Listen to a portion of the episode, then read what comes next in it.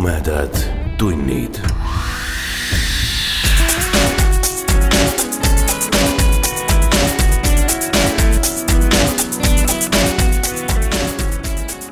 tere tulemast kuulama jutuvestmist podcasti Tumedad tunnid kolmandat osa. mina olen saatejuht Priit Öövel. täna jätkame Indrek Hargla müstilis-põnevusdetektiivjutu Pan Grbovski jõulud lugemist sealt, kus üleeile pooleli jäime niisiis, kui olete sellele osale sattunud juhuslikult podcast'e brausides, siis minge üks samm tagasi ja kuulake enne meie eelmisest osast, kuidas kõik alguse sai. meie Aiki Pennoga valame endale klaasikese krupnikut ja jätkame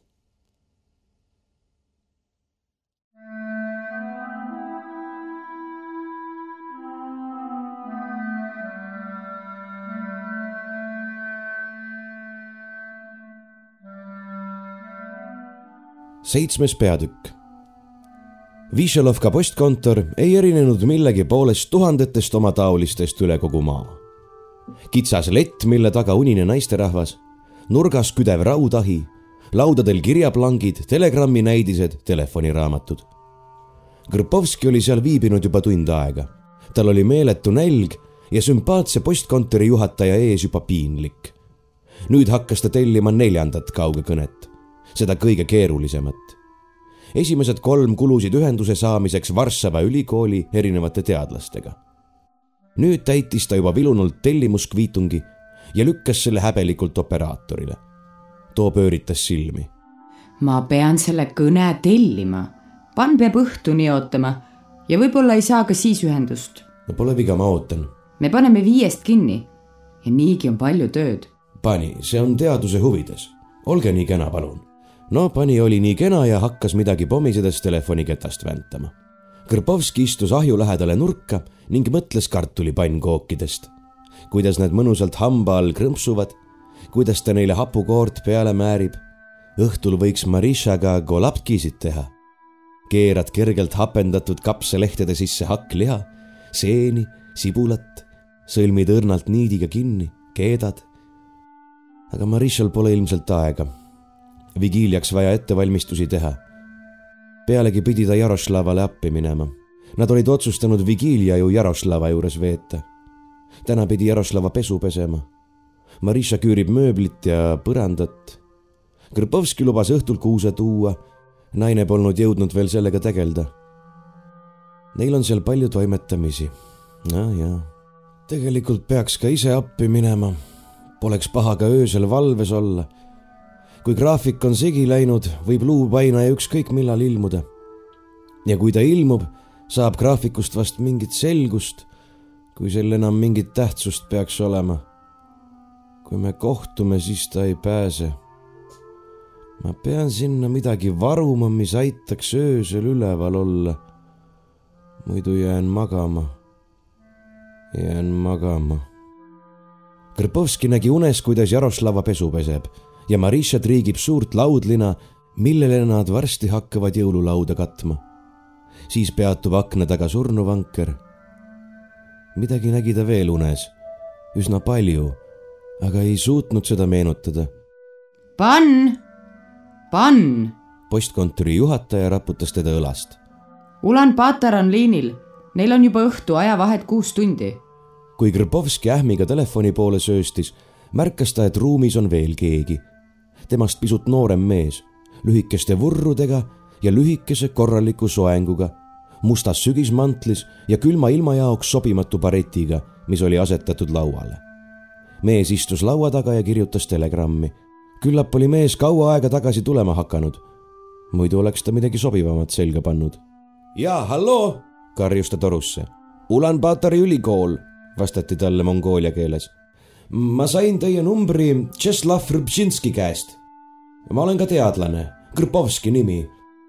tahtsin rääkida seltsimees Debkesulatiga. ta käis hiljuti Poolas, kuid ma ei jõudnud temaga kohtuda. kas oleks võimalik? mis?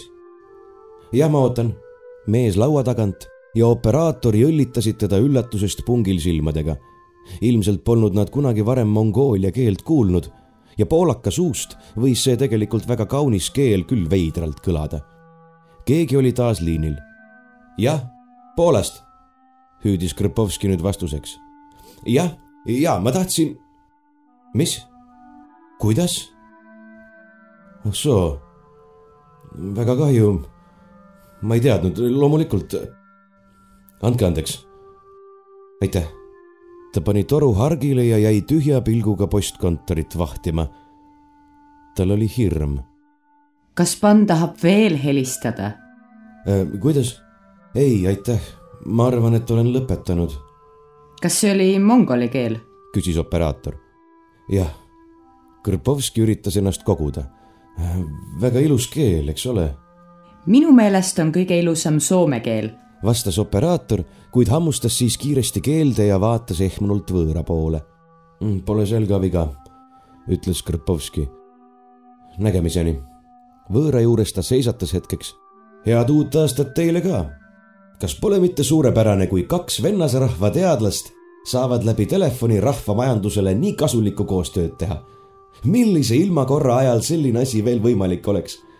Poola ja Mongoolia, maailma eri otstes, aga sotsialismis koos. suurepärane, kas Pann ei arva nii? Pann noogutas. kaheksas peatükk. kodust leidis Krpovski ukse peale vajutatud sildi millele Marisha tuttav käekiri oli kiiruga sirgeldanud ühe sõna, Jaroslava. Kõrpovski ei saanud millestki aru. ometi pööras ta ümber ja hakkas Jaroslava poole kõmpima. minut minutilt muutus ta samm kiiremaks ja poole tee peal ta juba jooksis, pritsides kahele poole pori. Krašek sööstis talle haugatades tee peale vastu, kuid tema tervituses polnud sugugi rõõmu.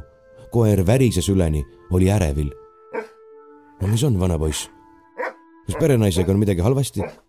koer ähkis ja jooksis maja poole tagasi. Marisse võttis ta lävelt vastu, ta oli haukumist kuulnud. luupaineja, sosistas naine talle. ma jõudsin õigel hetkel. Kražek hakkas ulguma ja naabrid jooksid minu juurde. koer lipsas nende jalge vahelt tuppa. kuidas tal on? halvasti, tal oli šokk. Jaroslava istus köögis laua taga. tema ees oli viinapudel, naine ise tekki mähitud ta värises ikka veel üle kogu keha. nägu hirmuhigiga kaetud ja kaame, silmad jääkülmad ja kristallpuhtad. hirm ja vapustus oli ta teinud veelgi ilusamaks, juuksed olid valla, langesid valgele pluusile. kui naine pead raputas, tundis Krpovski ta juuste puhast aroomi. Jaroslava ei saanud ikka veel korralikult rääkida.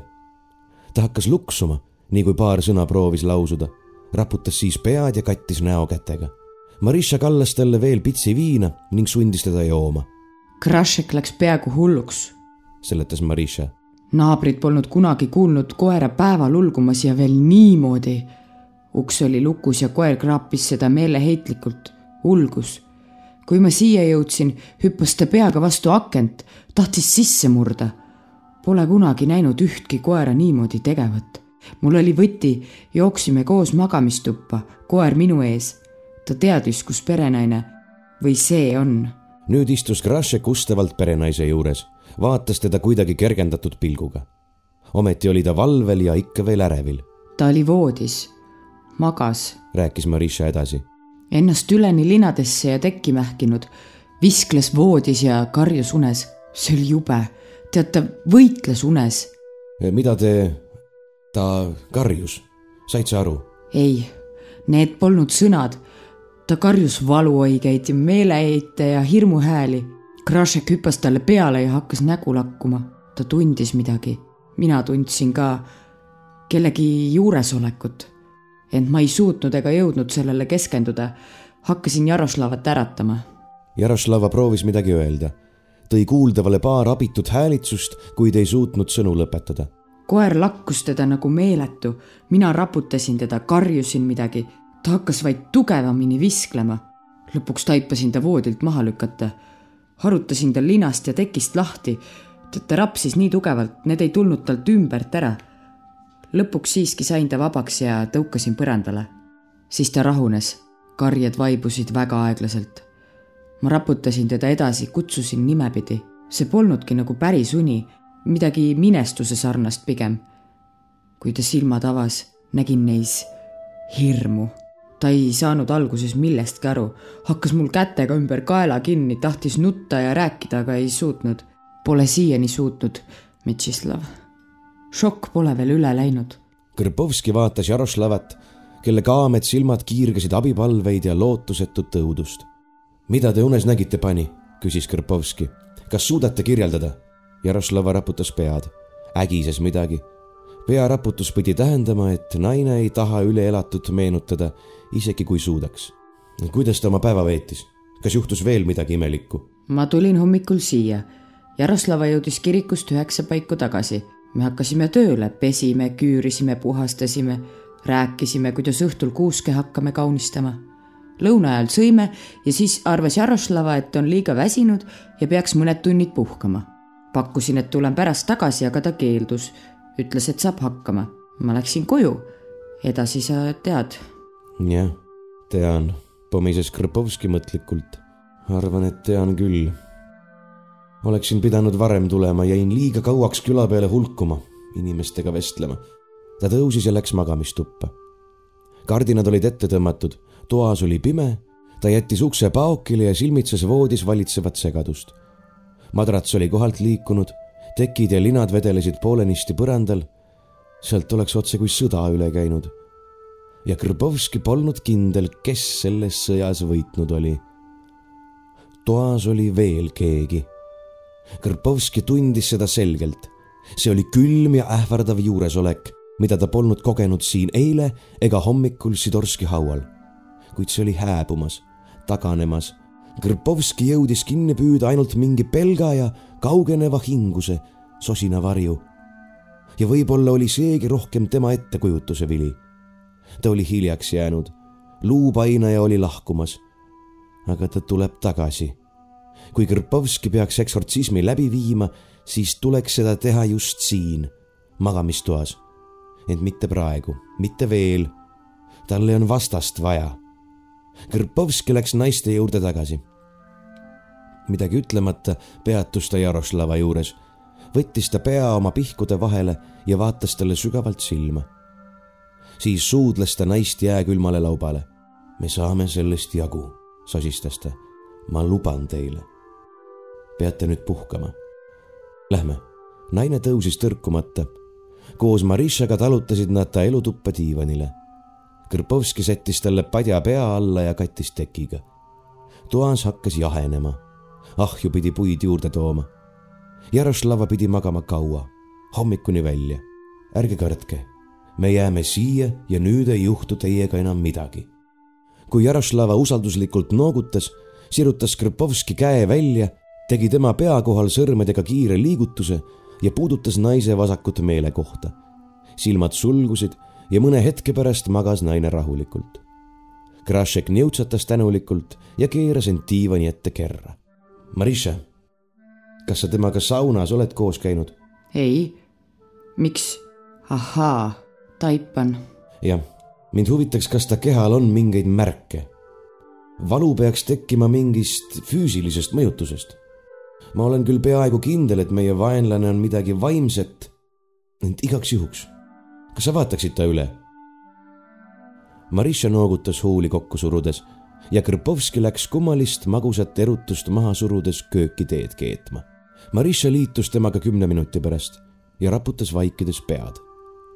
Nad jätsid ukse elutuppa avatuks ja hakkasid teed jooma. ei mingeid muljutusi, muhke, verevalumeid. ei pealegi on ta ju arst, ta oleks ise märganud. Mm, seda küll, kuid kunagi ei maksa liiga kindel olla. sa kaitsed teda? küsis Marisha. jaa, ma tegin kaitsemärgi. tema uni on nüüd suletud, kuid seal toas ei juhtu temaga niigi midagi. miks? see on magamistoas, ainult seal, ei mujal. Kummaline, kas pole? see kõik on nii kummaline. suremast keelduvad inimesed, mongolid, luupaineja ma pole sulle veel rääkinud. Krpovski vakatas ja põrnitses mornilt viinapudelit. ma helistasin täna Ulan-Batorisse. Debkeskulat on surnud. kohe peale naasmist kadus ta steppi. oli olnud millegipärast väga ärevil. ta leiti kuu aega tagasi. südame rabandus. ma teadsin seda. Tundsin. sosistas Marisha ehmunult. tema tundis seda ka ette ma ei tea, mida ta steppi otsima läks, kuid see peab olema seoses sellega, mida ta siit leidis. mul on temast kahju. minul ka, kuigi ma ei tundnud teda. meid on jälle üks vähem, Marisha. Nad vaikisid ja kuulsid elutoast Jaroslava rahulikku hingamist. mis edasi, Mitsislav? edasi, Krpovski vaatas kella. ma jään siia. Ja sina peaks koju puhkama minema. ma arvan, et nii on kõige parem. homme on meil palju teha. aga sina? loen pisut, mõtlen, arvutan. pidepunkte peaks meil juba küllaga olema. kõige tähtsam on teada, ära mõistatada, mis õieti toimub. alles siis saab tegutseda. ma rääkisin hommikul isa Vojtetšiga. ta ütles midagi väga olulist. ma tunnen seda kuid ei suuda veel täpselt aru saada, mida nimelt. Kuid ma nuputan selle välja. ole mureta. ma tahaks ka siia jääda, pakkus Marisha. võiksin senikaua Jaroslavat valvata, kuni sina nuputad. Jaroslavaga ei juhtu midagi, ära tema pärast muretse. luupainaja ei murra kaitsemärgist läbi. ei, märk toimib kaksteist tundi. rohkemaks pole ma võimeline, kuid rohkem pole ka tarvis see, mida me luupainajaks nimetame, on tulnud ainult unes ja ainult magamistoas. Jaroslava uni on aga nüüd kinnine, lukus. ta isegi ei tea, et ta magab. ma loodan, et ta unustab õudused, mida läbi elas. vörtsi kaitsemärgil võib olla selline toime. sõltub sellest, kui sügavale piinaja jõudis. kas sa ei pea seda luupainajaks? päris Marisha imestunult. noh, mitte päriselt klassikalist luupainajat polegi olemas. ma olen üritanud uurida seda Indo-Euroopa tüvi, marr, kuid pole kuhugi jõudnud. kas pole hämmastav, et juba vana inglise ja vana norra keeles tähendab mara teemonit, kes käib öösiti magaja rinnal painamas, põhjustades halbu unenägusid ja täpselt sama sõna on pea kõikidel Euroopa rahvail sellise koletise tarbeks. Mara, Nahtmar, Mart, Mort, meie košmaar Vene Kashmar, Nightmare, Morri. Need elajad ei saanud ju nii levinud olla, et kõik neid ühe sama nimega kutsusid. mõneti on need kõik teisendid inkuubusest, teemonist, kes unes naisterahva eostab. Maara võib olla nii vaimolend kui füüsiline koletis. keskajal peeti seda akadeemiliseks tõeks. meie košmaar on aga liiga ratsionaalne, liiga kaval, liiga ebateemonlik Jaroslava vaenaja on seotud selle majaga, selle magamistoaga ja tema unega. Pole kunagi kuulnud, et luupainaja käiks ka päeval. see on midagi muud. ja hommikuks ma tean, mis. Marisha tõusis, vaatas köögis veel ringi ja hakkas palitut selga ajama. ma lähen siis pealegi, aga tulen homme tagasi. enne lõunal, varem ei jõua kui Krašek kulguma hakkab, mis siis? ma olen siin. Ütle naabritele, et kõik on korras ja pole vaja sind kutsuda. kui sa tahad öösel üleval olla, siis keeda endale kohvi, see on, näed siin.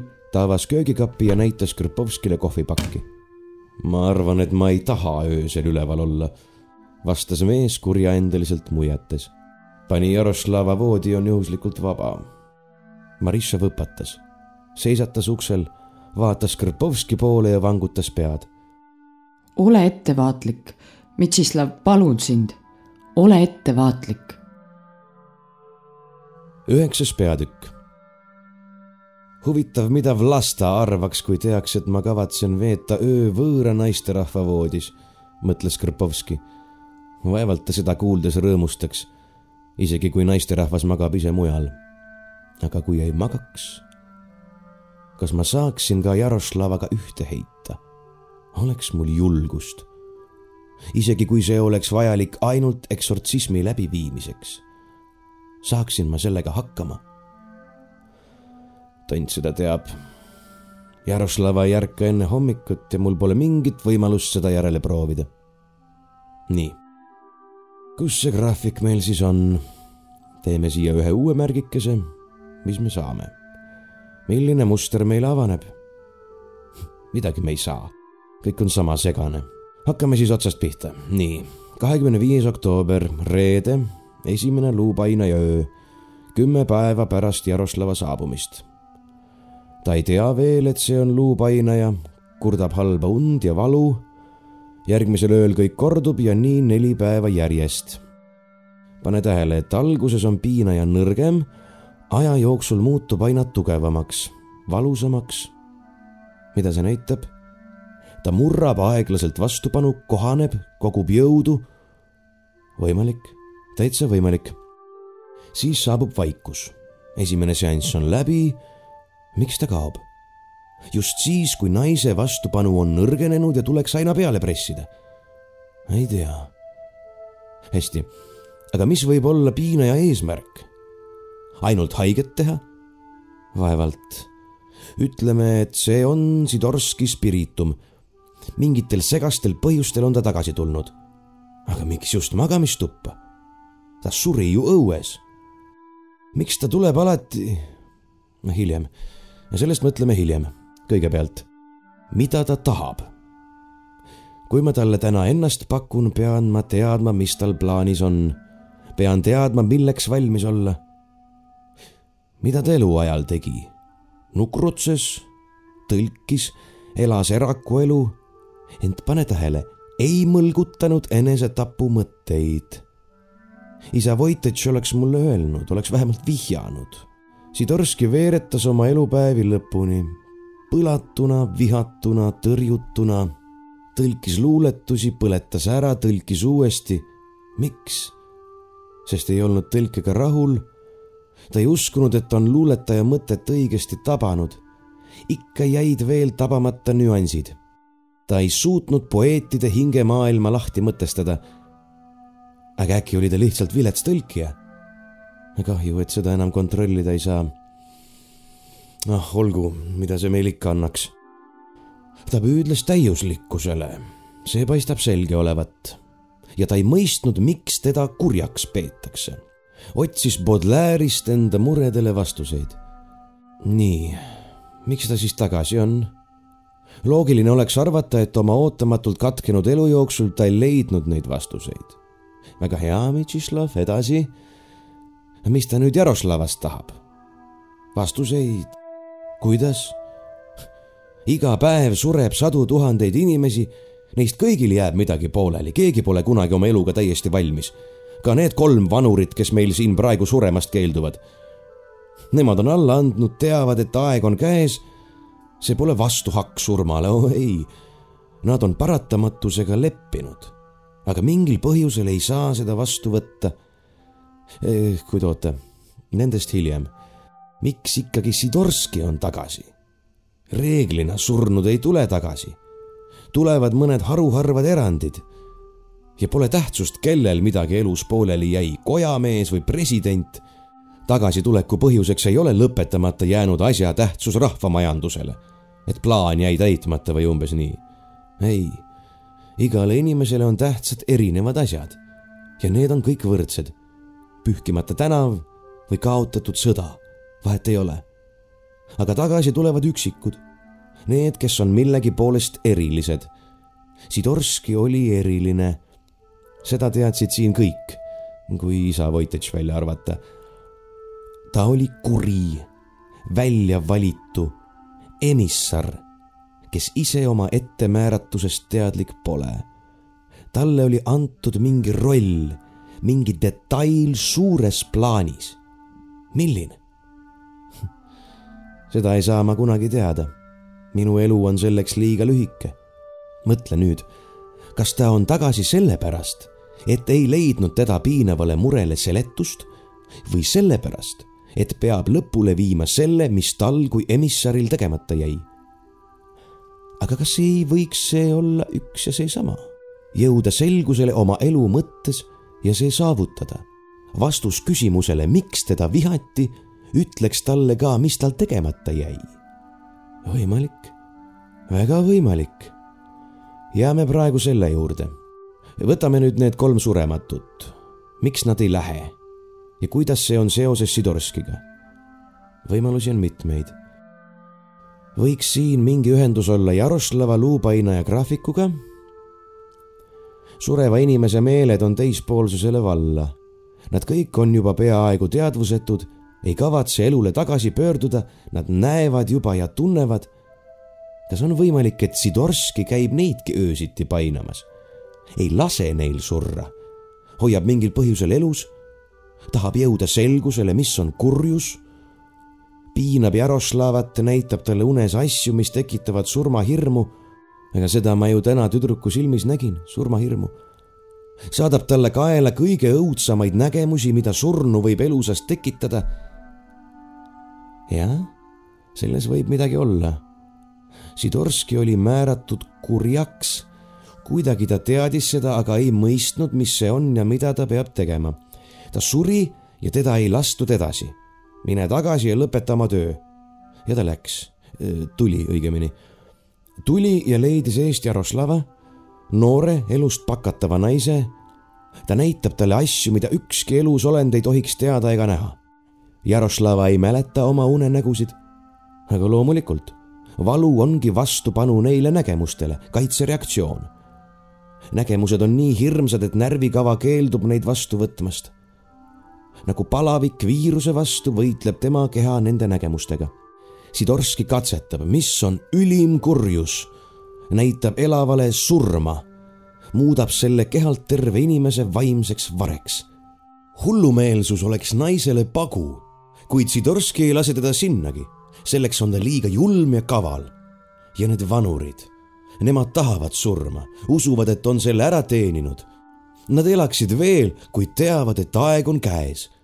ja siin ilmneb kurjuse teine pool, hoida elus surma ihkavat inimest. see on nagu januse suu kinni kleepimine. ehk manab ta neile nägemusi sellest, mis neid ees ootab. ja sellepärast inimesed keelduvadki minemast. aga ta valetab neile ja valetab ka Jaroslavale. mis võiks olla inimesele suurem piin, kui teada, mis seal on. Ja see pole hoopiski see, mida nad uskusid. Nad kõik on ju usklikud, usinad ja andunud katoliiklased, usuvad rahu ja õndsusesse ja nüüd meeletu pettumus. ei, mitte pettumus, vaid vapustus, oma koleduses kujutlematu ahastus Sidorski spiriitumil on selleks jõudu ja võimsust. see ongi see kurjus, see, mida kõik temast tundsid. Pole oluline, kas me liigitame moraalseks, metafüüsiliseks või füüsiliseks. luupainaja on vanem kui filosoofia. siin on kurjus, mis võtab inimeselt ainsa lootuse kübeme, mida ta on alati surmale mõeldes hellitanud. elusalt võtab ta lootuse elada, surmale määratutelt lootuse surmalt puhkust leida täna hakkas Jaroslava vastupanu juba nõrgenema ja ta mäletas oma nägemusi. Keegi ei suuda mõelda surmast, loobumata pakitsevast lootusest, et see pole lõputu piin, vaid rahu ja midagi veel, midagi helget. see on ainus, mis päästab meid hullumeelsusest, mind ennast ka kusjuures. ja võtta see usk katoliiklaselt, asendada see võltspiltidega igavikulisest hukust. jaa see on võimalik. Ent kuidas asetuvad sellesse skeemi ikkagi Sidorski tsüklilised ilmumised? on seda neil ülejäänud öödel vanureid painamas? aga ikkagi, miks just ööd ja miks nii range graafiku alusel? oli ta nii süsteemne inimene? kui oligi, siis peale surma see vaevalt enam tähendaks ja kaua ta kavatseb jätkata? olgu tema võim nii suur kui tahes ükskord peavad need inimesed ikkagi surema ja veenduvad, et neile valetati. või ei veendu? ka seda ei saa ma kunagi teada, vähemalt oma eluajal mitte. ent olgu. oletame, et ülejäänud öödel on ta surevate vanurite kallal. jäävad veel mongolid, õigemini vana uiguuri hirm ja ekspeditsiooni põgenemine. kas see on üldse seoses Legnitša välja lahinguga? võib-olla on see vaid juhus Nad tulid siia ühte otsima, kuid leidsid sootuks muud. Kuid mida? mis võis olla see, mis pani nad pagema? see koht? eksortsist tundis ära selles neljakümne ida-musta vaimu ühe värava. aga miks mina ei tunne? ka Marisha pole kunagi tundnud siin midagi eriliselt halba, peale Sidorski. liiga arvab, et mongolid, need idabarbarid, tõid kunagi midagi halba Euroopasse huvitav, kas Tebkeskulakt ka nii arvab? Me oleme liigas seda arutanud, kuid pole kuhugi välja jõudnud. mida võisid tähendada need võltspagemised, suits lahinguväljal? allikad on liiga napid ja segased. midagi seal juhtus, aga mis nimelt? võitmatud mongolid, metsikud loomad, põrgusigitised. nii neist Euroopas arvati, lõid pihuks ja põrmuks kogu õhtu maailma sõjakunsti. Tallasid selle Legnitša kevadisse porri ja keerasid Euroopale selja. edasi jäid ju Poola ja Saksa tühjad tasandikud ja rikkad linnad. aga ei, nemad läksid mägedesse vaestele Tatra, Dalmaatia ja Balkani aladele. ei jätnud maha kübetki administratiivvõimu, nagu tegid Venes. mitte ükski inimestest koosnev sõjavägi ei suutnud neid võita. otsisid nad viimast merd ja leidsid, et see on Aadria meri. jabur. Neil oli väga selge ettekujutus Euroopa geograafiast ja sõjalisest võimsusest. Nende luure töötas kõigi Euroopa kuningakodadest paremini Nad isegi teadsid, kus on Venceslasi vägi. miks nad rüüstasid ainult Poola kiduraid linnu ja keerasid otsa ümber? kas mitte nad ei löönud hoopis kartma? ent mitte inimesi, mitte sõda ega sõdimist. Midagi sellist, mille nende šamaanid Legnitša väljal ära tundsid ja nad hoopis põgenesid ja ei tulnud kunagi tagasi siia neetud paika. ja täpselt sedasama tegid ka Ulan-Batori õpetlased võib-olla nad ikkagi said oma küsimustele vastused. Sidorski on siin kogu aeg elanud. ta pole siit kunagi ära käinud, aga mis oleks veel loomulikum, kui hüljata küla, kus sind vihatakse ja minna kuhugi mujale. Maja, endine mõis hoidis teda kinni. see lagunenud hurtsik, mille korras hoidmisega ta hakkama ei saanud, oli see lihtsalt kangekaelsus ja teadmisiha selgitada välja, miks. ka võimalik, kuid emissarina ei saanud ta siit lahkuda. siin on midagi. siin Legnitša väljal, millelt põgenes maailma kõigi aegade võimsaim sõjavägi. Siin on tema koht ja siia tuleb ta pärast surma tagasi, et jõuda selgusele oma kurjuse olemuses katsetades oma võimalusi surijate kinnihoidmisega ja elavatele nägemuste toomises mille eest ei päästaks ka hullumeelsus. see paik, neljakümne musta idavaimu värav on tema kodu. aitab, aeg on magama minna. ma avan oma une ja meeled. Ma kutsun teda ja siis ainult üks saab jääda, mina või tema. Krpovski haigutas, tõusis, lõpetas oma tee, pesi tassi lõiges vees puhtaks, läks elutuppa lisas ahju puid, et Jaroslaval öösel külm ei hakkaks, silitas ta pead ja suudles teda veel kord laubale. siis suundus ta magamistuppa, süütas öölambi, koristas põrandalt Jaroslava linade teki, voltis need kokku ja pani kappi. Millegipärast ei lubanud tema komblustunne magada alasti linadel, millel see kaunitar just maganud oli. aga alasti magama ta pidi. tegi endale uuesti aseme, võttis riidest lahti võbistas külmast õlgu, kustutas tule ja hakkas juba voodisse ronima, kui talle meenus veel midagi. ta kargas voodist välja, süütas veel kord tule ja vaatas toas ringi. äratuskell oli loomulikult seal, kus ta olema pidi, öölaual. Kõrbovski võttis kella kätte ja keeras äratuse maha. ükskõik, mis ka öösel ei juhtuks, ei taha ta ärgata kell viis hommikul. enne uinumist luges ta kaks loitsu, pani silmad kinni ja jäi paugu pealt magama. kümnes peatükk. midagi väga hella ja õrna oli see, mida ta järgmisena tundis. keegi silitas hoolitsevalt ta pead, ütles midagi sooja. see polnud uni, see oli tõeline, heasoovlik puudutus, peaaegu armastav puudutus. jah, ta tundis armastust. loits, mis oli ta meeled avanud, valas ta sisse kontsentreeritud ja kõigest tarbetuist lisandeist puhtaks filtreeritud armastust. valgus, helge ja ilus valgus, täis elu ja rõõmu, mis kutsus ja ootas, avanes talle, nõudis tähelepanu. öö oli kusagil kaugel, ööd tegelikult ei olnudki enam, oli ainult valgus ja jah, hääled. ta kuulis hääli, murelikke hääli. ta ärkas üheteistkümnes peatükk. vähe on inimese elus hetki, kus kõik ilus ja helge valmistab pettumuse. puudutus kuulus Jaroslava käele. valgus oli aknast sisse siravast päikesest, sest kahekümne teine detsember oli Višelovkas ilus ja selge. kadunud öö tähendas seda, et oli hommik. hääled kuulusid Marišale ja Jaroslavale ja armastus, mida Krpovski oli nii selgelt tundnud, tuli Jaroslava puudutusest. parem, kui ta poleks seda tundnud liiga valusalt, teravalt ja selgelt tuletas see arsti puudutus talle meelde oma vastutuskoormat. loitsuga teritatud tajud olid unes töötanud mitte selleks, milleks nad manatud olid. Mitšislav, ärka ometi, ütles Marisha. on tal midagi viga? küsis Jaroslava. midagi pole tal häda, põõnab nagu põrsas, suur valge ammu väljas. Grpovski põrnitses naisi juhmi pilguga mm,. palju kell on? üksteist saab varsti unekott. kella keerasid sa maha ja Jaroša ärkas veidi enne minu tulekut. kohvi jooma tuled? Ta oli kogu öö maha maganud ja keegi polnud tulnud.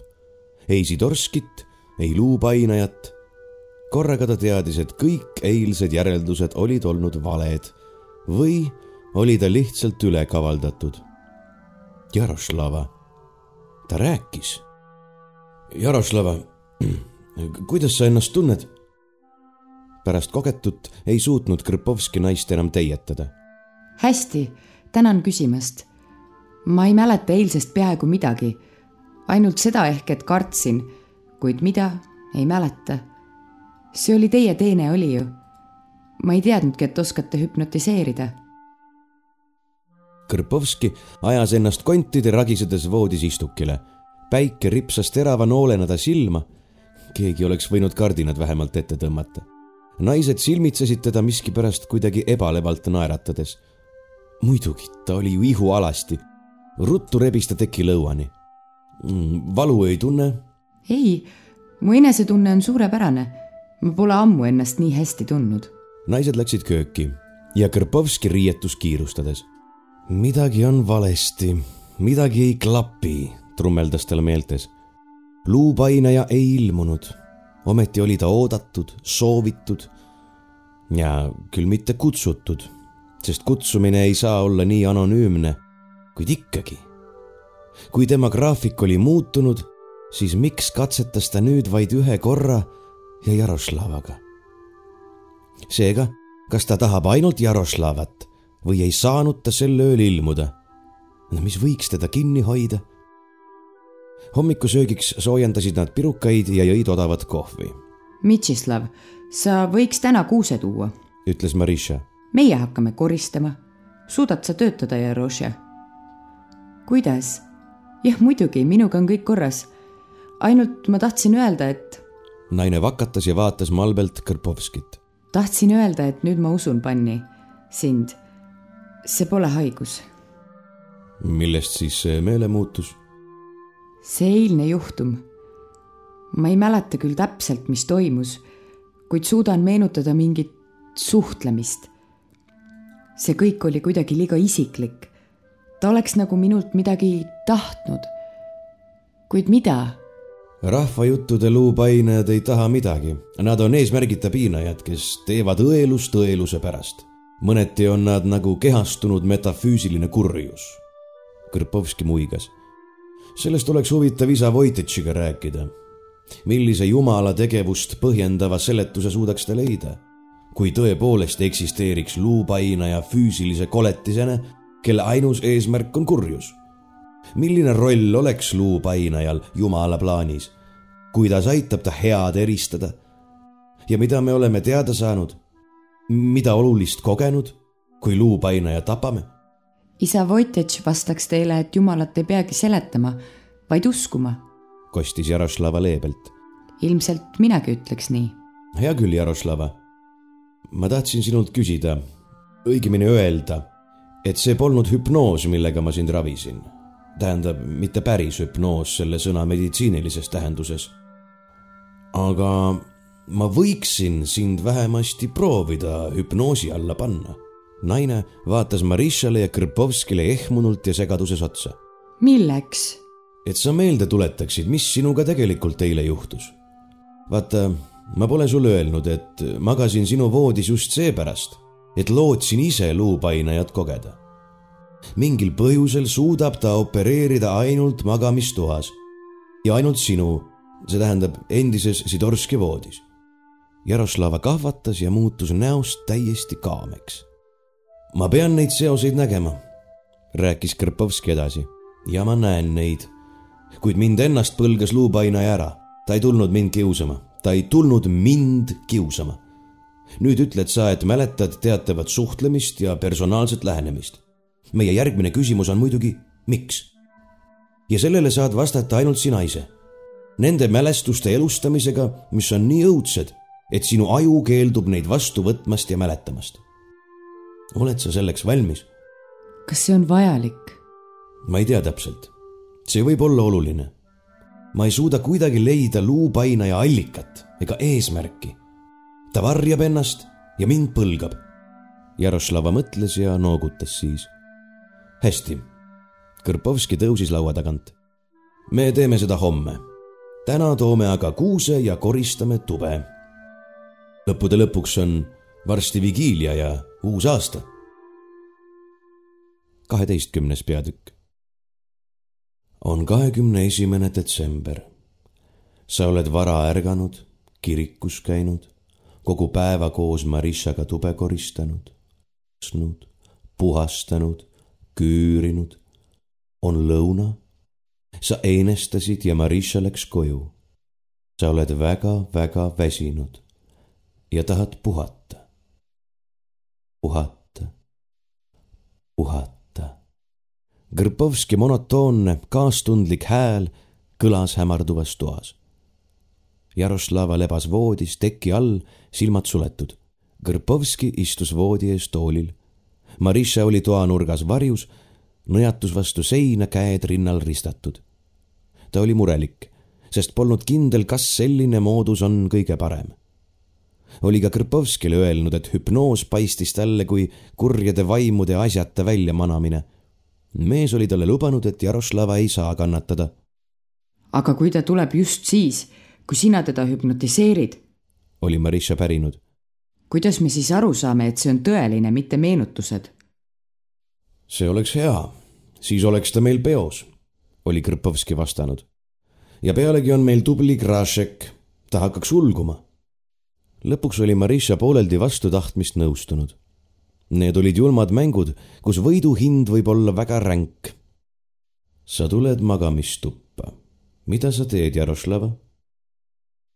Vaikus. naine hingas raskelt, lamas tikksirgelt õhukese teki all, millelt joonistusid tema kaunid vormid. korraks viltsatas ta näol kerge tõmblus, huuled tõmbusid poekvile, ent ta vaikis edasi. sa tahad magada, Jaroslava. sa oled kohutavalt väsinud paar tundi puhkust, mõtled sa, ja siis koristan edasi. vigiilia on lähedal, aga sul on veel nii palju teha. Sa oled väikese puhkuse ära teeninud. Grašek, pomises Jaroslav äkki. jaa, Grašek, sinu tubli koer. on ta siin sinuga? Grpovski häälest ei kostunud vähimatki erutusvarjundit kuid Marisha tundis, et mees sisimas võpatas. hüpnoos oli õnnestumas. Krašek on toas. ma lasin tal soojas olla, aga ta peab tagasi minema. Jaroslava huuled liikusid vaevu. ta on liiga porine. ma ajan ta õue ja panen ukse lukku. ta tahab tagasi, kiunub, kraabib ust. koer tahab sinu juures olla. ta armastab sind mida sa edasi teed? väsinud, pean magama, puhkama. Grpovski kummardus talle lähemale. sa lähed magama. Kas sa mõtled midagi? olen liiga kole. nägu on vajunud ja loppis. pean rohkem puhkama. jaa, sa pead puhkama, Jaroslava. ma teen voodit. kapis on kõik linad ja tekid puhtad lõpuks ometi suutsin ma kogu pesu ära pesta. mul on hea meel. ma teen voodit ja heidan pikali. Ja nüüd sa magad. sa näed und. mida sa näed unes? taas vaikus. naise nägu oli rahulik, isegi õnnelik. ilmselt elas taas läbi magusat rammestust ja rahulolu tehtud tööst. minutid möödusid, hüpnotiseeritav hingas korrapäraselt. oled uinunud, lõdvestunud, voodis on soe ja mugav. äkitselt Jaroslava võpatas ta vasak käsi rapsas teki all midagi, kerge värin käis üle keha. see on ainult unenägu, rääkis Krpovski julgustaval toonil edasi. sa näed und, Jaroslava. ära tee. Jaroslava hääl oli selge ja kõlav. lõpeta, ma ei kannata seda, mine ära. kas sa näed midagi unes? kasi minema, sind pole keegi kutsunud. jälle lükkas ta voodis midagi kätega Need tõusid ja vajusid aeglaselt ja jõuetult. tundus, nagu ta tahtnuks voodist tõusta, kuid ei suutnud. viivuks lebas naine rahulikult, kuid siis läbistas ta keha tugev võpatus. pea jõnksatas taha ja oleks peaaegu vastu voodipäitsit põrganud. ainult uni, Jaroslava, ainult uni, tuletas Kripovski kindel hääl talle meelde. naine karjatas ja nii äkki, et Marisha ehmatusest võpatas ja küünarnukki valusalt vastu seina ära lõi Jaroslava käed lükkasid teki pealt ära. Krpovski nägi nüüd, et naine pigistas sõrmi tugevalt rusikasse ja lasi siis jälle lahti, nagu teinuks mingeid haaramisliigutusi. ta karjus veel, sõnadeta hirmukarje. nii karjutakse, kui midagi nähakse. rindkere läbistas järgmine värin. Krpovski oli nõudnud, et taastataks võimalikult ehe üleeilne olukord. kellaaeg pidi sama olema, Jaroslava samamoodi väsinud kannab sama öösärki. öösärk oli lumivalge, kaelus rahvusliku punase kirju mustriga kaunistatud ja valge paelaga kokku sõlmitud.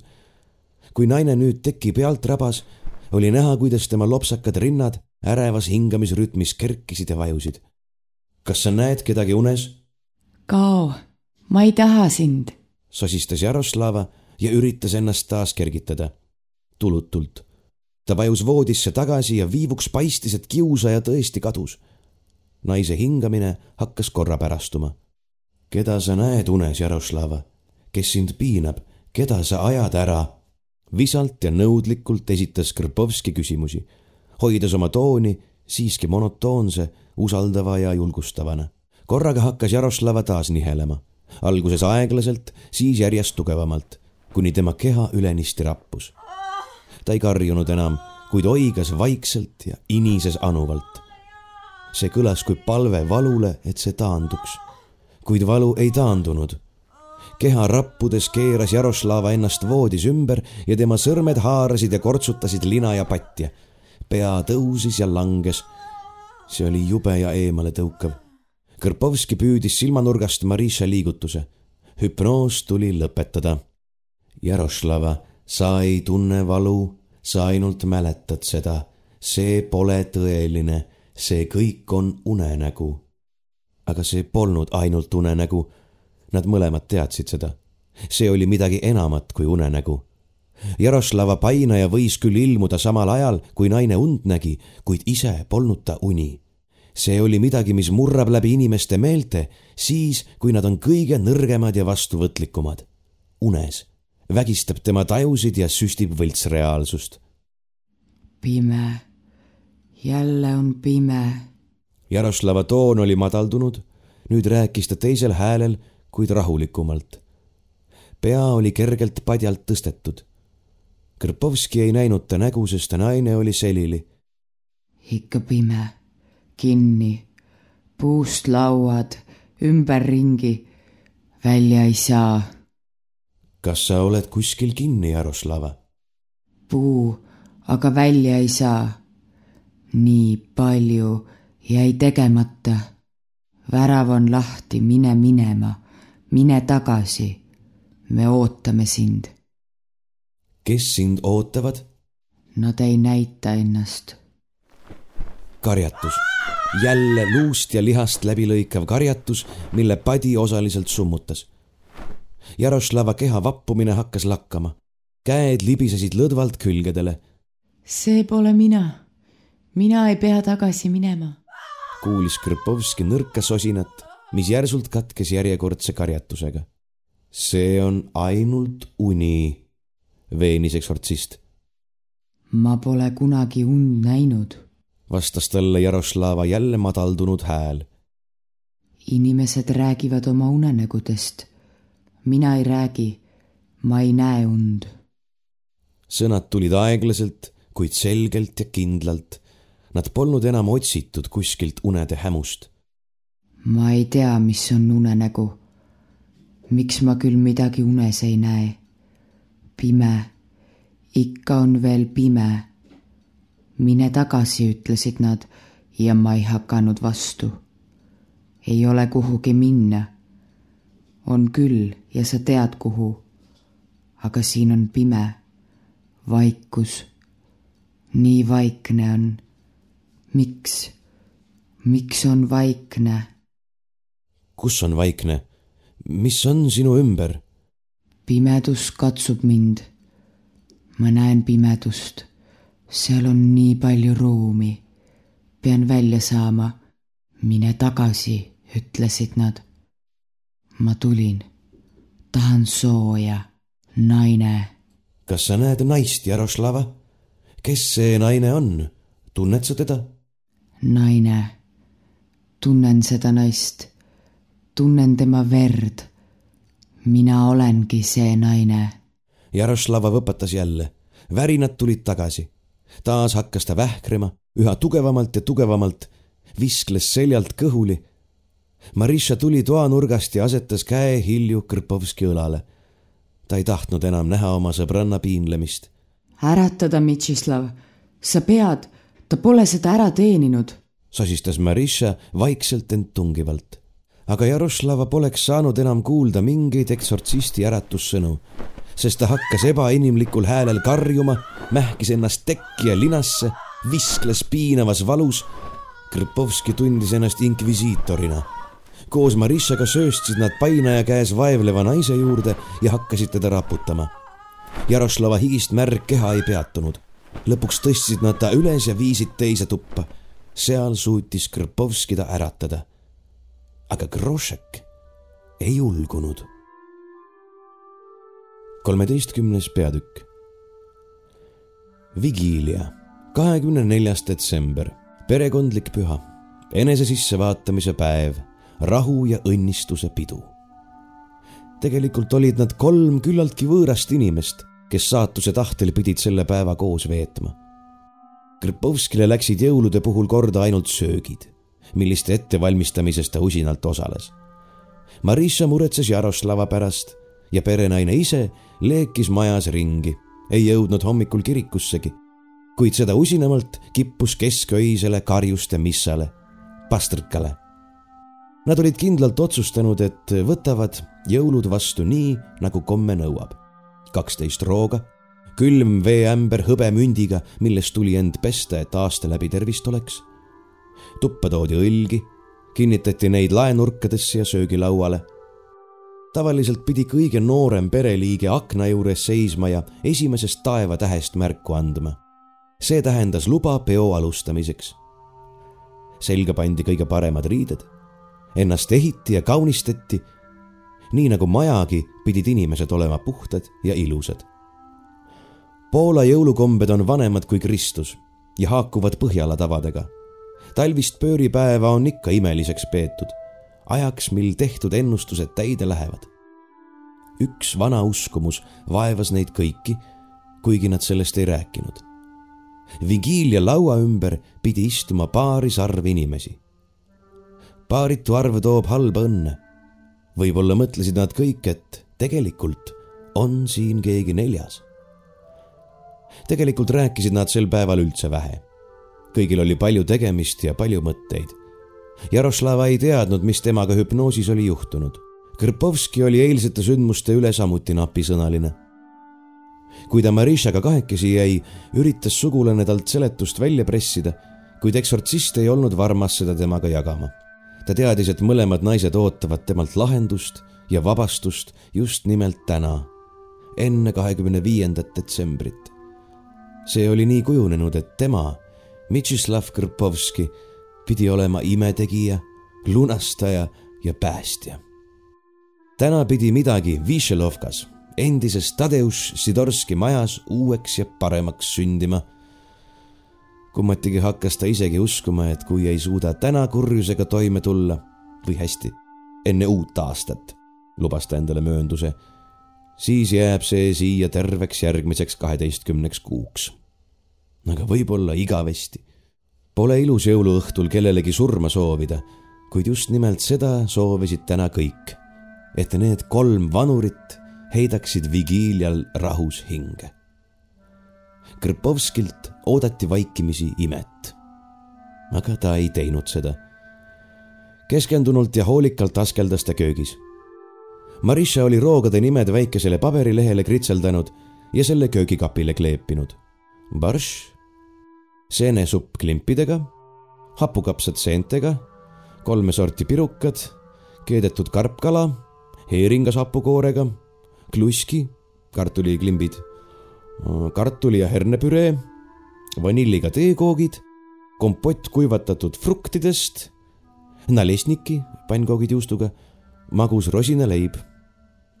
krupniku valmistamise võttis Krpovski enesestmõistetavalt enda kätte segad veemeega, lisad pisut kardemoni, pähklipuru, vanilliini, sidrunikoort, keedad, lased jahtuda, valad hulka vodkat ja ajad taas kuumaks. Krupnik oli ainus alkohoolne jook, mis talle tegelikult meeldis. võib-olla sellepärast, et koos sisikonnaga soojendas see nii mõnusalt üles ka mälestusi kodust ja vanavanematest. Nad ei pidanud tingimata kahtteist toitu valmistama aga see oli omalaadi kinnisidee, hea enne, vajadus rahustava tava järele, et kõik on nii nagu alati. söögi valmistamine ei viinud ta mõtteid hetkekski luupainajalt eemale. Ta teadis, et oli elimineerinud kogu loost ebaolulised detailid, hoidnud fookuses ainult määrava tähtsusega fakte, kuid ikkagi jäi tal mingi tabamatu loogikakatke puudu. graafik ja voodi selles peitub kogu mõistatuse lahendus, nii palju ta teadis. kahel ööl järjest oli ta unes näinud surnuvankrit, näinud sedasama und, mida kaks päeva tagasi postkontoris oli temalegi luupainaja külla tulnud. Vist küll, kuid see oli tema enda isiklik luupainaja, mis unenägudes seadis ritta fakte, liitis ja lahutas teabekilde. tema tajud töötasid magades edasi, ei puhanud hetkekski pakkusid oma abi ja olid nõutud, kui see tagasi lükati. Kõrpovski surus endas alla ebamäärast tigedust, mis ähvardas juba ärevuseks kasvada. ta teadis piisavalt, pidi teadma piisavalt, kuid ei suutnud mõista surnuvankri tähendust. kuskil sügaval ajusopis olid sündmused juba põhjuslikku seosesse kootud, järeldused tehtud, tema eksortsisti vaist pidi need nüüd sealt üles leidma. aga ei leidnud ikka veel ei leidnud. kell kolm hakkas Jaroslava elutoas lauda katma ja viivuks jäid Kõrpovski ja Marisha kööki üksi. kas sa mõtled sedasama, mis minagi? Oli naine küsinud, kui karpkala puhastas ja Kõrpovski kartuleid kooris. Nad olid teineteise poole seljaga. ma ei oska mõtteid lugeda, vastas Kõrpovski mornilt. eilsest, sellest, mida Jaroslava unes rääkis. see oli kole, ma ei suuda seda siiani mõista ega tahagi mõista. ent see jutt pimedusest ja puust. mees ei vastanud. ilmselt kehitas ta õlgu, kuid Marisha ei pööranud pead, et selles veenduda. Ma mõtlen, et kas ei võinud olla Sidorski ise, kes meile vastas. rääkis naine edasi ja raputas verist kala sisikonda prügikasti. ta võbistas õlgu. see võib kõlada uskumatuna, kuid ikkagi pimedus, suletus, ümberringi vaid puust lauad ja pimedus nagu räägiks keegi meile hauast. võimalik. aga mida see meile annaks? issand Kristus, karjatas Marisha allasurutud häälel. Ja Rošjal käib kallal maetu vaim, piinab teda ja sina küsid, mida see meile annaks? harilik vaim, nii palju kui mina neid tunnen, ei käi niisama heast peast magajal kallal ega tee talle füüsilist valu. Sitorski ei olnud harilik inimene ta oli kuri ja sa tead seda. jah, aga kui kuri ta siis ikkagi oli? siin nende vestlus katkes, sest Jaroslava tuli kööki ja hakkas Krpovski kallal pahandama, miks too naiste tööd teeb. võiks parem puid tuua, kapsatünni avada ja veel vett tuua. esimest tähte nägi Marisha ja just siis, kui ta akent kaunistas. kilgates rõõmust nagu väike tüdruk, jooksis ta kööki ja kuulutas oma avastusest. võis lauda asuda. Večerza Vigilinia võis alata arusaadavatel põhjustel jäi ära üks oluline vana komme. laua taha istudes pidi pereisa alustama laulu Bržibizeli do Betlehem näiteks ja murdma leivatükke, tegema neile ristimärgi ja laudkonnale vanuse järjekorras jagama. naised ei hakanud seda Krpovskilt paluma, nad vahetasid mõned soovid ja asusid isukalt barši kallale. nurgas säras lihtsalt kaunistatud kuusepuu akendele oli Marisha seadnud vanikud ja küünlad, nurkades olid õled, tuba lõhnas puhtusest. peale supi võtsid nad kõik väikese lonksu krupnikut ja tundsid ennast kõigest hoolimata hästi. Jaroslava rääkis, kuidas ta eelmise jõuluõhtu pidi haiglas valves mööda saatma ja nad õdedega piiritusest krupnikut olid valmistanud. haiglas ei tohtinud katoliiklikke tavasid olla, aga nad ikkagi laulsid vaikselt mõnda koledit ja üks haige preester pidas pasterka jutluse. kell lähenes tasapisi kaheksale. Krpovskil oli aeg hakata imesid tegema. poolakad on usinad käsitöömeistrid. üks jõulutraditsioon on Kristuse kujutisega linikute heegeldamine ja nendega toaseinte kaunistamine. Jaroslava oli jõudnud valmistada kaks sellist linikut ja need ka üles riputada kui nad soolaste roogadega lõpule olid jõudmas ja juba teab, kui mitmenda krupnikuga meeleolu tõstnud, hakkas Marisha Jaroslava osavust kiitma. linik, mis rippus elutoa seinal, oli tõesti meistritöö. neljast värvist oli naine kujundanud imekauni harmoonia. lunastaja rippus ristil, tema imeväikesest näost võis tõepoolest kannatust välja lugeda. kas pole ilus, Mitšislav? küsis Marisha. ma mõtlen just Jerošia osavust vaata siis ometi, lisas ta tungivalt. Aeglaselt tõstis Krpovski pilgu ja silmitses linikut seinal. ta muudkui vaatas ja vaatas seda. tema nägu kivistus ja kahvatus. kahvel hapukapsaga jäi õhku rippuma. mis see on, Mitšislav? küsis Marisha. on ju ilus, eks? Krpovski ei vastanud vaid jõllitas sõnatult linikut. Heegeldatud neljavärviline Kristus seinal rippuval väikesel riidelapil. surnuvanker, sosistas Krpovski vaikselt. ta toodi surnuvankril kabelisse. kahvel kukkus taldrikule tagasi. surnuvanker, pomises Marisha. millest sa ometi räägid? Krpovski tõusis laua tagant püsti, nägu endiselt kahvatu ta vaatas Jaroslava poole, kes teda samuti sõnatult jõllitas. muidugi, nüüd ma mõistan. mida sa mõistad? Krpovski sulges viivuks silmad, raputas ennast otse kui ebameeldivat nägevust tõrjudes. luupainaja, alati voodis, surnuvanker, vähe majakraami. kuidas ma võisin selline idioot olla? mis majakraam? Küsisid naised ühest suust. mees läks aeglaselt seina juurde ja silus käega üle liniku. siis pööras ta oma kaame näo laua poole.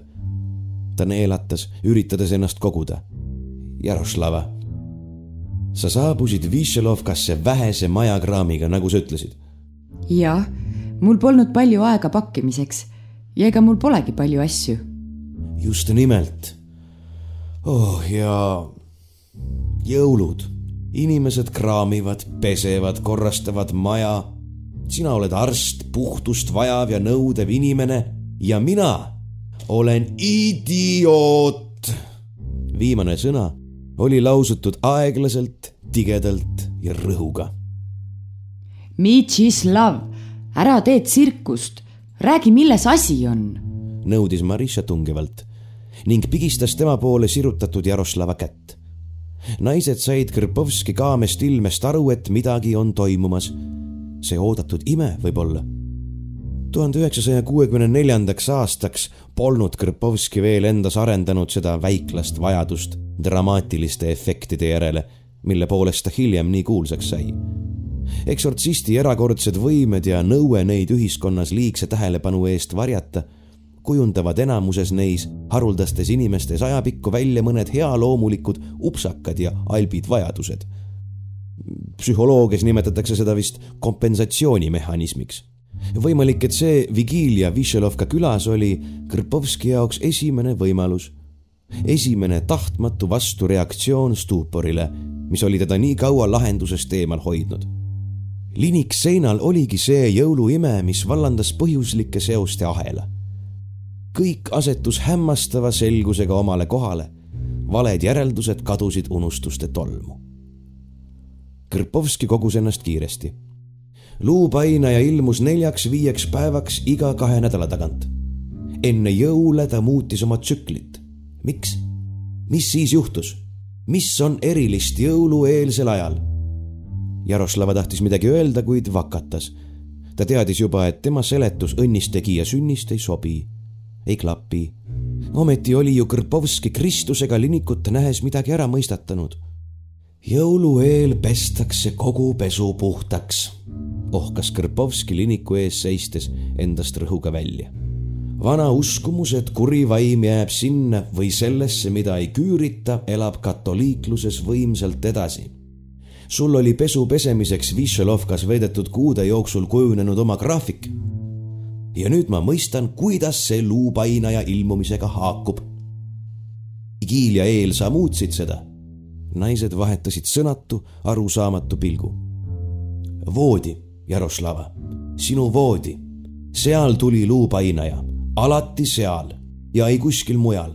tuli nagu liinibuss kindla graafiku alusel. sõna graafik seostub mulle alati bussidega. ja mis on buss? lihtsalt üks suur mootoriga vanker. Millegipärast nägin ma pidevalt unes surnuvankrit. millest see? ka sellepärast, et isa Voitech ütles, et Tadeusz Sidorski toodi kabelisse surnuvankriga. see on ju loomulik. pomises Marissa segaduses. millega siis veel, bussiga või?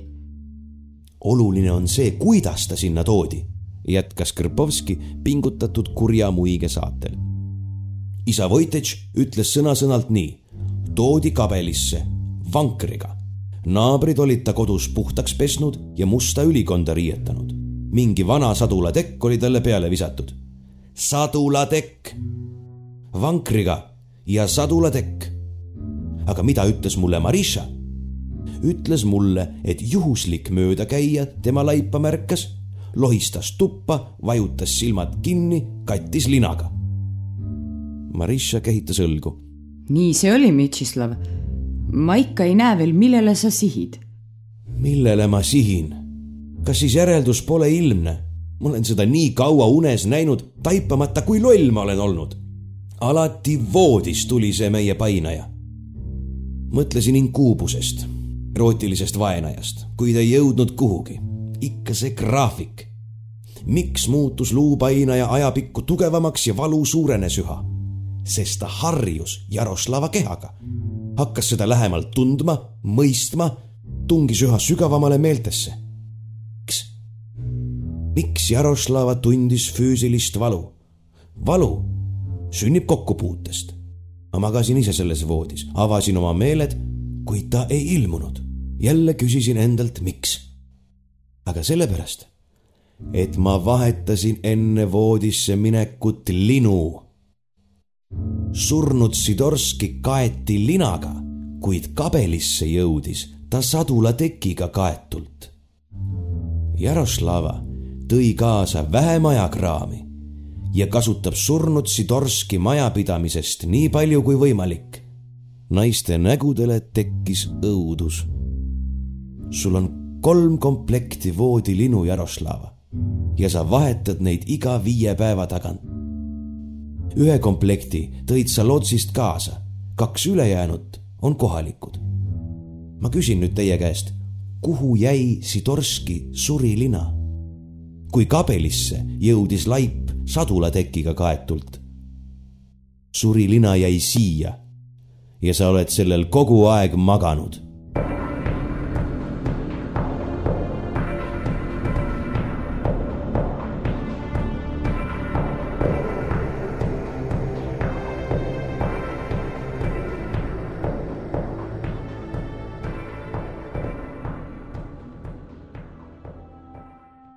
neljateistkümnes peatükk.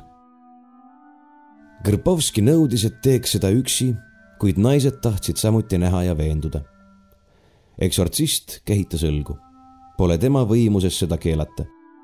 Nad läksid magamistuppa, ta avas kapi, kus teadis olevat voodilinad.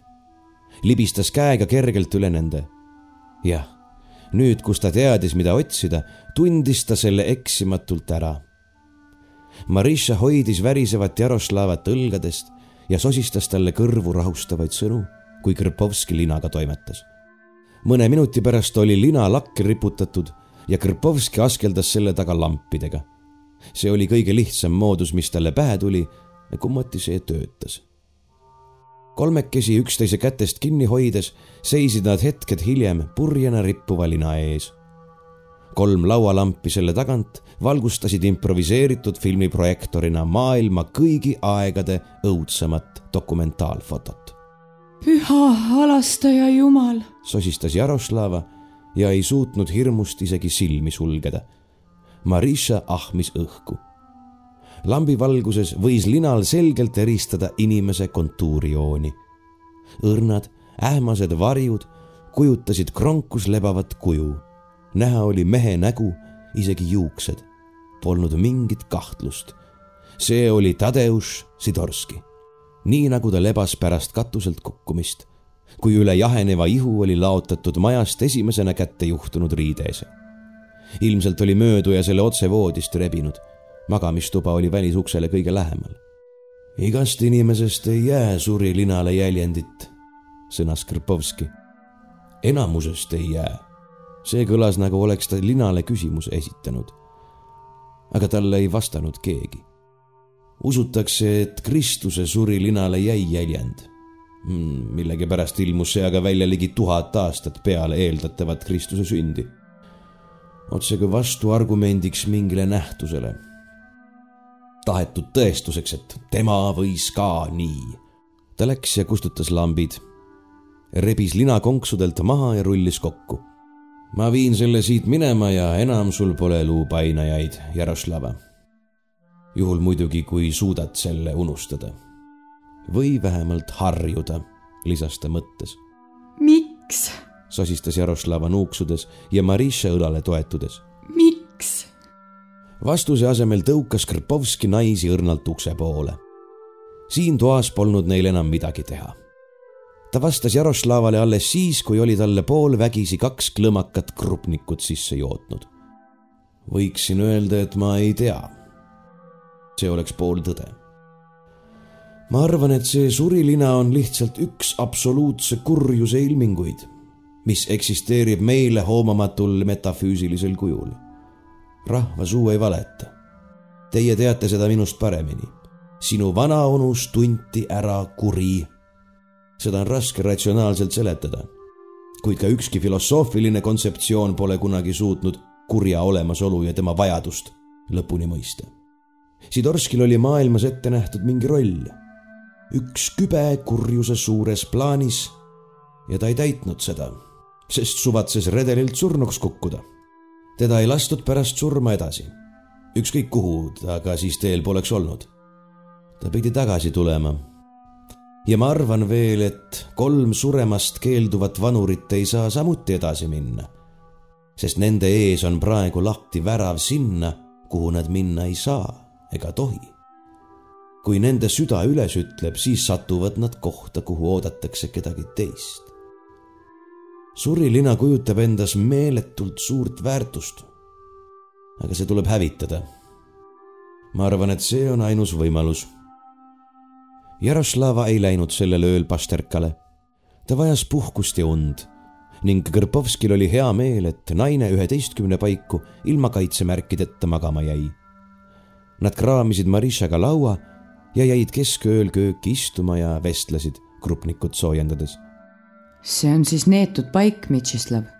küsis Marisha. jah, nii see on. seda tundsid juba Mongoli šamaanid seitsesada aastat tagasi. Põgenesid siit. ei olnud neil vaja valitseda väravat neljakümne ida musta vaimu maale. see on koht, kus peab elama emissar. sa ei öelnud seda Jarošjale. kas sina ütleksid talle? kas sina suudaksid talle öelda, et surilina mähkis teda endasse et see naisterahvas on Sidorskite soost maja pärija ja saab ja tahab siin edasi elada. Arvad, et see oli seestumine?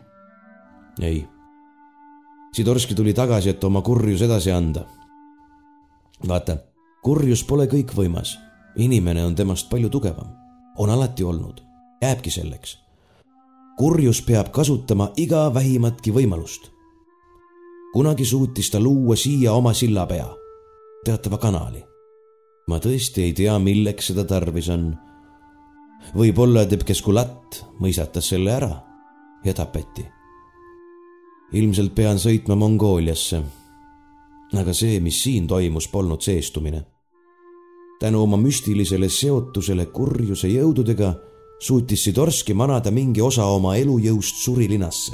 see fenomen on väga vana ja teatud ilmselt sellepärast mõeldi hiljem välja ka Jeesuse surilina. nagu vastukaaluks või? Umbes jah, kurjus on tõeline. Pole küll saatanat, nii nagu ristiusk seda ette kujutab. aga kurjus on pool, alati kusagil luusimas ja oma võimalust ootamas. ja seda on alati teatud. aga see teadmine on inimesele ebameeldiv ja vastuvõetamatu oli vaja vastu paavsti nii-öelda. sellest ka ristilöömine, elluärkamine, surilina ja nii edasi. kas see, mida me hüpnoosis kuulsime, tuli hauast? võta proosalisemalt. korraks välgatav valgus, puust lauad. ta oli kapis, Marisha, kapis kinni. Nad vaikisid ja jõid viimase lonksu sooja krupnikut. mis tast saab? Jaroslavast. usun, et jõudsime õigel ajal jaole. temast ei saanud uut emissari. Võib-olla kellestki teisest saab. silla peal peab olema oma valvaja. kõige parem, kui Jaroslava siia ei jääks. aga sa tead isegi, kuidas teda siia tõmbas. miks ohverdab noor kena naine oma karjääri Lootsis ja kolib Višelovka taolisse kolkasse? voolab Sidorskite veri ja ei teadnud selle vere omadusi ei vana Tadeus ega tema noor sugulane. Jaroslavat ei peeta ju kurjaks. Ma tean, et tema pole kuri. ja tema pole, aga võinuks selleks saada. ehk oligi selles Tadeusz Sidorski kui emissari roll, kes teab. Jaroslava on ju arst ja arstid on need, kel on maises maailmas kõige rohkem võimu elu ja surma üle otsustamises kui ei tea, keda ta ühes võimalikus tulevikus ravima võib sattuda. aga kurjus võib teada. Viieteistkümnes peatükk. tuhande üheksasaja kuuekümne viienda aasta kolmas jaanuar oli suures ja räämases Wroclawi raudteejaamas saginad täis. korraga olid kõik jõule ja uusaastat Sileesiasse vastu võtma kogunenud inimesed otsustanud üle Poola tagasi sõita ja neile lisandusid selle edelanurga ärganud inimesed, kes tundsid vastupandamatut vajadust kaugemaid sugulasi külastada. Rong on Poolas kõige mõistlikum liiklusvahend ja kuna kõik teadsid seda, oli Krpovskil piletikassa ees kõvasti rüselemist. eksortsisti väike kasv ja tagasihoidlik välimus lausa kutsus teda tõukama ja nügima. tema pealinlik ja eemal seisev ilme suisa nõudis provintslastelt eneseväärikuse rõhutamiseks teatavat vägivalda. Krpovski sai kassajärjekorras kõvasti räsida, aga ta jõudis luugini. Sai ka pileti tunni pärast väljuvale Varssava Ekspressile. ent kui ta ümber pööras ja kummardudes oma kohvrite järele küünitas, hakkas talle pihku ainult ühe sang. keegi varganägu oli ette jõudnud. keegi oli sisse vehkinud Krpovski mustast kunstnahast reisikohvri, milles olid hunnikus kunagi Sidorskile kuulunud raamatud, ilmselt ka hambahari ja mõned vahetusriided. ainult et raamatud olid mähitud linasse. Tadeusz Sidorski suri linasse. Kõrpovski oigas, rebis maast oma sakvojaaži ja sööstis rahvamurrust välja. paaniliselt otsisid ta silmad mõnd korravalvurit, vaba käsi tõusis viipamiseks õhku, huuled hakkasid juba vormima hüüatust vargus. ent üks rahva hulgas vilksatanud nägu, üsna tuttav nägu, sundis teda kätt langetama ja suud sulguma. nägu oli tuttav needsamad silmad, lühikesed vurrud, peaaegu et sõjaväelaslikku soengut kattev barett. barettigi oli Krpovski varem näinud, vaid mõned päevad tagasi Višelovka postkontoris. ainult et siis lebas see laual. noormehe nägu oli viivuks ilmunud rahvamurrust, otse kui püüdnud kellegi pilgu ja nõustuvalt noogutanud ja siis kadunud, nagu ka Krpovski kohver kõik, kes Kõrpovskit kunagi tundsid, teadsid, et see kivistunud ja resigneerunud ilme, millega ta keset Legnitša raudteejaama seisis, kõneles jõuetust raevust. kuueteistkümnes peatükk. kaheteistkümnenda jaanuari varahommikul helises Kõrpovski antikvariaadist telefon. teed rüüpav mees kiirustas toru võtma, sest helin kuulus kauge kõnele operaatori neiu ütles, et kõne tuleb Višelovkast ja mees tõmbus ootusest krampi. hääl Silesias kuulus loomulikult Marišale. esimestest silpidest sai Krpovski aru, et naine on hiljuti tugevasti nuttunud ja helistamise ajaks sellest poolvägisi võitu saanud. Mitšislav. ja ma kuulan sind. torust kostus koera kaeblikku ulgumist. ta on surnud. kes? Jaroslava jah, ta põles ära. eile õhtul, kui hakkas jõulukuuske välja viima. arvatakse, et ei kustutanud küünlaid korralikult ära ja puu võttis tuld. kõik põles ära, kogu maja. Krašek pääses. oli tunda, et Marisha hoidis nuttu vaevu tagasi. Krpovski surus tagasi kurku tõusnud klombi. kuidas seda teatakse? ma ju ütlesin, et arvatakse laiba juurest leiti söestunud kuuseroots. aga sina ei usu seda? ei. miks?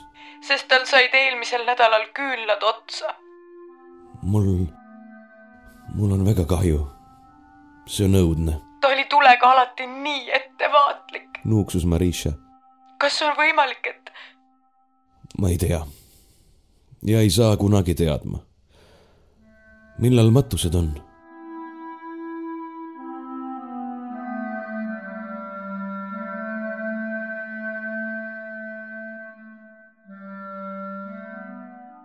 Seitsmeteistkümnes peatükk. Poola julgeolekuarhiivid avanesid tuhande üheksasaja üheksakümnenda aasta suvel.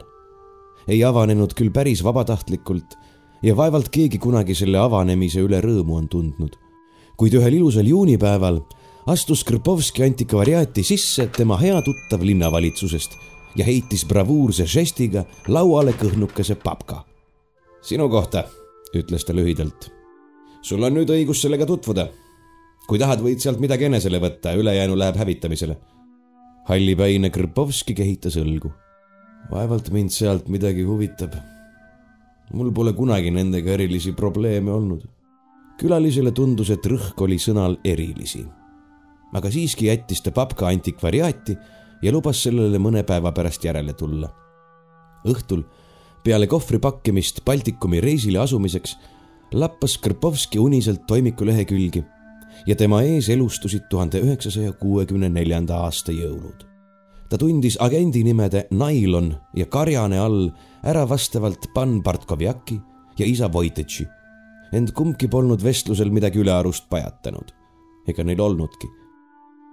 toimiku vahel leidus ka kirjeldus operatsioonist Wroclawi raudteejaamas millel kellegi polkovnik Šmuda käega kritseldatud nõu leitnant Milikjevitši vallandamiseks. kohvrivarguse korraldamine oli omavoliline, põhjendamatu ja lubamatu. aga veel oli toimikus õiend võetuse kohta kahtlusaluse kohvrist. korralikult trükitud lehel oli nimekiri peamiselt prantsusekeelseist raamatuist, isiklikest hügieenitarvetest ja riietest raamatud oli üle antud julgeolekuraamatukokku, hügieenitarbed ära visatud ja riided, üks suur ja määrdunud voodilina sealhulgas, saadetud peale läbivaatust katlamajja põletamise läbi likvideerimiseks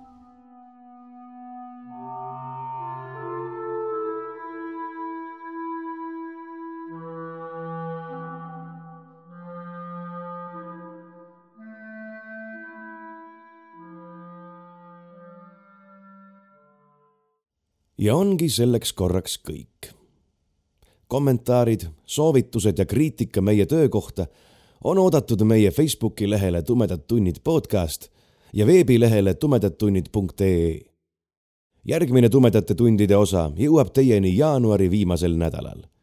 et seda mitte maha magada, jälgige meie tegemisi Facebookis ja tellige meid läbi oma podcasti rakenduse. loomulikult olete oodatud meid oma sõpradega jagama niisiis, kuulmiseni